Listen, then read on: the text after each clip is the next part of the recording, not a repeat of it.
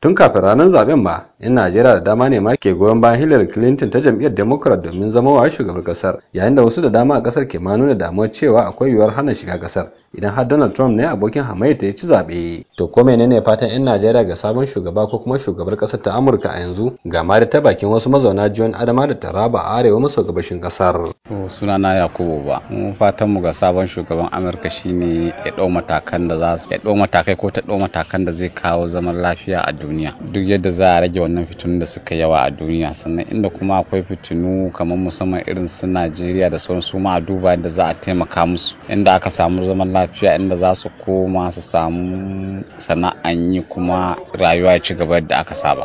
Kamar najeriya da ke fada boko haram kaga kwanakin ba gwamnonin arewa wajen goma sun je amerika inda aka tattauna da su duk suka faɗi matsalolin da ke fuskantar yankin musamman da muke ara arewa masu gabas. Akwai talauci akwai rashin ilimi da sauransu su tsaya mana sawon gaba samun mana ƙasashen duniya su ba da gudunmawa ga wannan gidauniyan a samu isasshen kuɗi inda za a sake gina arewa maso gabas makarantu jama'a su samu sana'o'i da sauran abubuwan ci gaba zaman lafiya kan kama. Sunana Muhammadu Awal mazaunin Yola. kuma shi shugaban da zai hau Allah sa ya zama mai son zaman lafiya ne ma'ana saboda yawanci yanzu ka dubi yawan yaƙi a na duniya za ka samu duk da hannun Amerika ciki. Muna fatan shugaban da zai hau Allah sa ya zama wanda zai nemi zaman lafiya da sulhu duniya samu ci gaba fatan mu kenan kawai samu zaman lafiya. Sunana honorable Hindi Levinus Menadi inda Hillary Clinton kam ta ci kowa ya san cewa the same foreign policy da shi obama ya amfani da shi most of their uh, policies za yi continue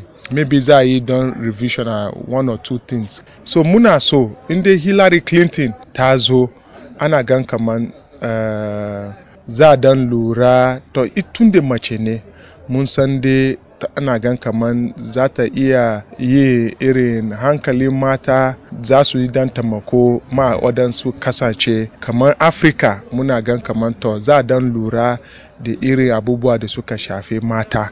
To da yara. To sunana Ladan Habibu. Mu a Najeriya fatan mu dai shine ya zama mun samu kyakkyawar alaka da dangantaka ta fuskoki da dama ta yadda zai zama harkokin yanzu muna cikin wani hali mai wasi a ƙasar mu ta yadda al'amura gaba ɗaya sun zama wani iri. To ta ya za a yi ta alaka da mu ta yadda za mu samu dama na wato koda dai ba mu rabu da ƙangin da yanayin da muka shiga ciki ba za mu dai samu sauƙin halin da ake ciki.